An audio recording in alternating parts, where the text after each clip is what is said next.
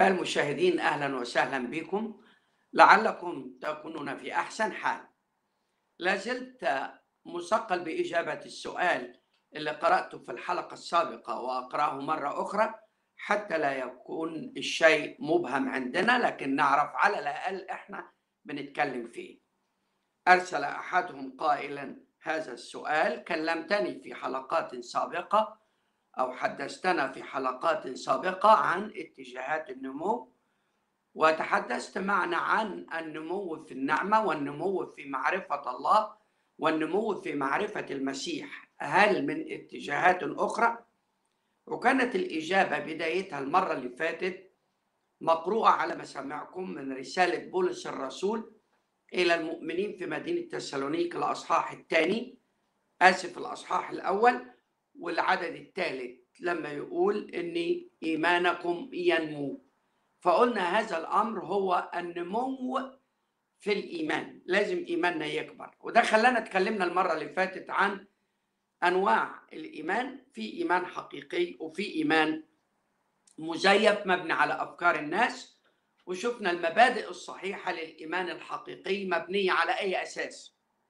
مبنية على أساس كلمة الله صدق أقوال الله اللي نصدقها ونقبلها ونؤمن بيها. هل الإيمان الحقيقي ده أنواع برضو؟ علشان نقدر نفهم نامين في الإيمان أو إيمانكم ينمو. يبقى لازم نعرف على الأقل إيه نوع الإيمان اللي إحنا لازم نكبر فيه. الإيمان الحقيقي له ثلاث حلقات أو نقدر نقول ثلاث أنواع للإيمان الحقيقي. ركزوا معايا ناخدهم واحدة واحدة كده على الماشي على وجه السرعة. النوع الأولاني الإيمان الوهبي. وليه بقول وهبي؟ لأنه هبة من الله معطاة لنا من الله. الإيمان الوهبي أو نقدر نسميه بطريقة تانية يعني تسمية دقيقة بحسب كلمة الله الإيمان الخلاصي. لسه من الإيمان الخلاصي؟ لأن به نخلص نحصل على الخلاص. القلب يؤمن به للبر والفم يعترف به للخلاص. يعني خلي بالك معاي عشان كده يقول إن لازم تصدق كلمة الله. من لا يصدق الله يجعله كاذبا. إن اعترفت بفمك بالرب يسوع وأمنت بقلبك أن الله أقامه من الأموات خلاص. مركز الإيمان هو القلب. علشان تحصل على الخلاص يبقى القلب لازم يؤمن مش مجرد معرفة سطحية أو معلومات اتعلمتها أو شوية كلمات درستها بسبب المناقشات الكثيرة وأقول أنا عارف المعرفة شيء والإيمان شيء تاني. المعرفة تقودني إلى الإيمان لكن إن لم تقودني للإيمان الحقيقي فلا قيمة لها لأنها عبارة عن معلومات مش هتغير من وضع الشيء. ولذلك مهم قوي إن أنا ما أعرفه يقودني إلى الإيمان الحقيقي. وده يخليني برضو أتكلم على القلب. لما بقول القلب يؤمن به. أو إن اعترفت بفمك بالرب يسوع وآمنت بقلبك. ما المقصود بالقلب؟ مقصود بالقلب الكيان الداخلي. الفكر الإرادة يعني دايما لما يتكلم عن القلب يقصد بها العقل الفكر الإرادة. يعني شيء بمطلق حريتي الشخصية وكامل وعي وإرادتي أقبل هذا الشيء في كياني الداخلي. يعني ممكن تسميه القلب وممكن تسميه الباطن. داود في مزمور 103 يقول باركي يا نفس الرب وكل ما في باطني باطني الباطن أو الكيان الداخلي. العقل الإرادة الفكر كل الحركات الداخلية دي هاي أعطيها للرب. أؤمن بها. عشان كده مهم قوي ندرك إن مركز الإيمان الحقيقي هو القلب. ده أول نوع من الإيمان. آمن بالرب يسوع فتخلص. ده الكلام اللي قاله الرسول بولس لسجان في لبي لما قال يا سيدي ماذا ينبغي أن أفعل لكي أخلص؟ قال له آمن بالرب يسوع. تقبله. تقبله شخصيا. عشان كده في آية جت في الرسالة إلى العبرانيين هقراها معاكم في أصحاح 11 وعدد واحد. يقول إيه في تعريف الإيمان؟ عبرانيين 11 عدد واحد. الآية ممكن تلاقوها في الكتاب تفتحوا كتابكم معاي أو تلاقوها على الشاشة قدامكم دلوقتي إذا ركزتوا معايا. عبرانيين 11 واحد يقول وأما الإيمان فهو الثقة بما يرجى والإيقان بأمور لا ترى. الثقة بما يرجى والإيقان بأمور لا ترى. حاجة ما شفتهاش. لكن تؤمن بيها وتصدقها. تتيقن من صحتها. الله لم نراه لكن نؤمن به. عشان كده الإيمان الحقيقي مبني على كامل الإرادة والعقل والتفكير السليم.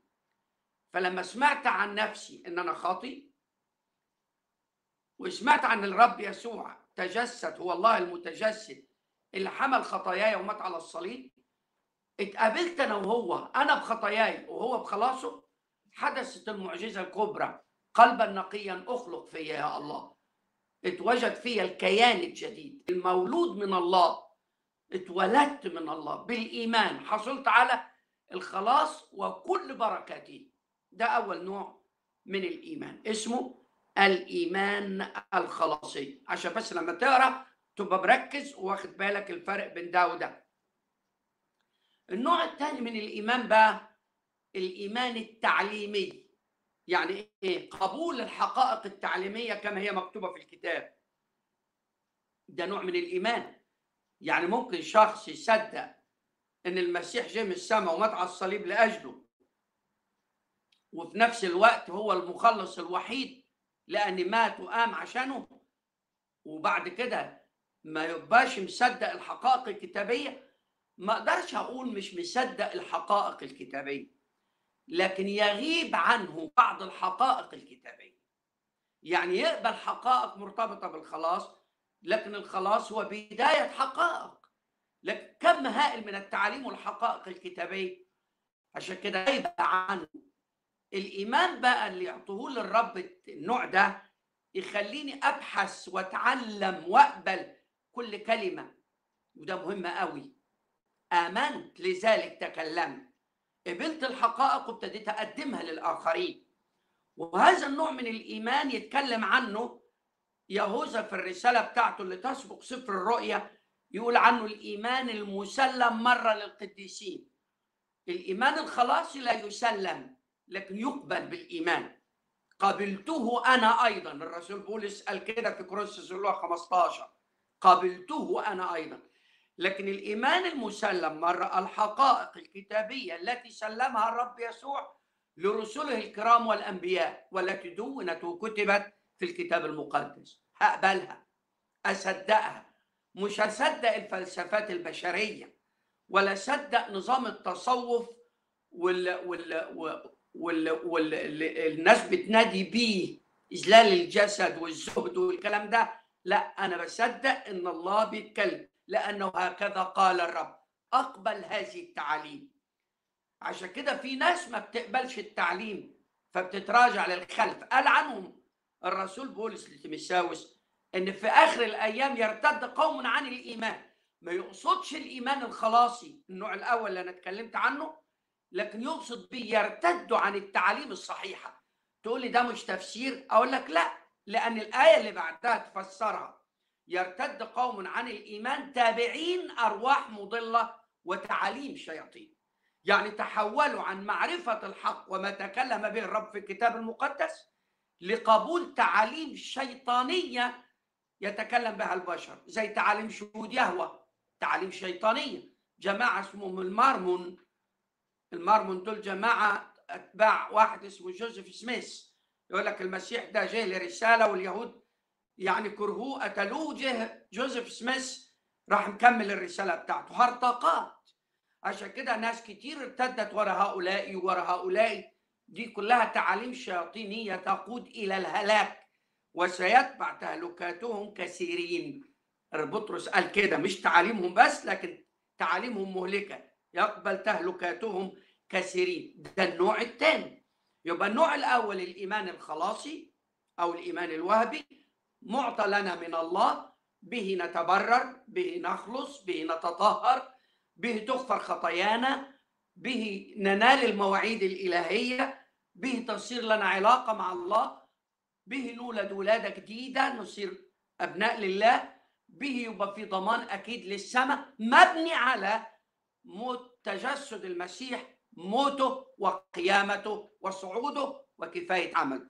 ده الإيمان الخلاصي أما النوع الثاني الإيمان التعليمي قبول التعاليم الصحيحة لبنيان حياتي عشان أكبر وأنمو في النعمة وفي معرفة ربنا ومخلصنا يسوع المسيح وأنمو في معرفة الله. إيماني بيتزايد. عشان كده إيمان التعليم ده أنا محتاج أكبر فيه أنمو فيه. عشان كده نامين في الإيمان. لكن في نوع ثالث بقى هو ده بقى اللي ركز عليه أكتر الرسول بولس إن إحنا لازم ننمو فيه. نامين في إيمانكم. إيمانكم ينمو. إيمانكم يتزايد. وده اللي نحكي فيه مع بعض في الحلقة القادمة بمشيئة الرب. تعالوا نصلي مع بعض. شاكرينك من كل القلب يا رب لأنك منحت الإيمان الذي به صدقنا وقبلنا أنك أتيت من السماء ومت على الصليب لأجلنا لخلاصنا.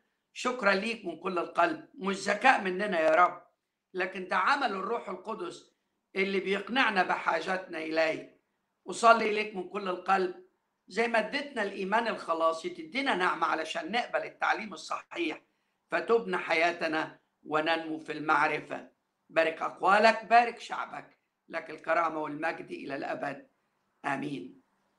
آمين يا أحبائي نتقابل المرة اللي جاية علشان نستكمل موضوعنا. الرب معكم.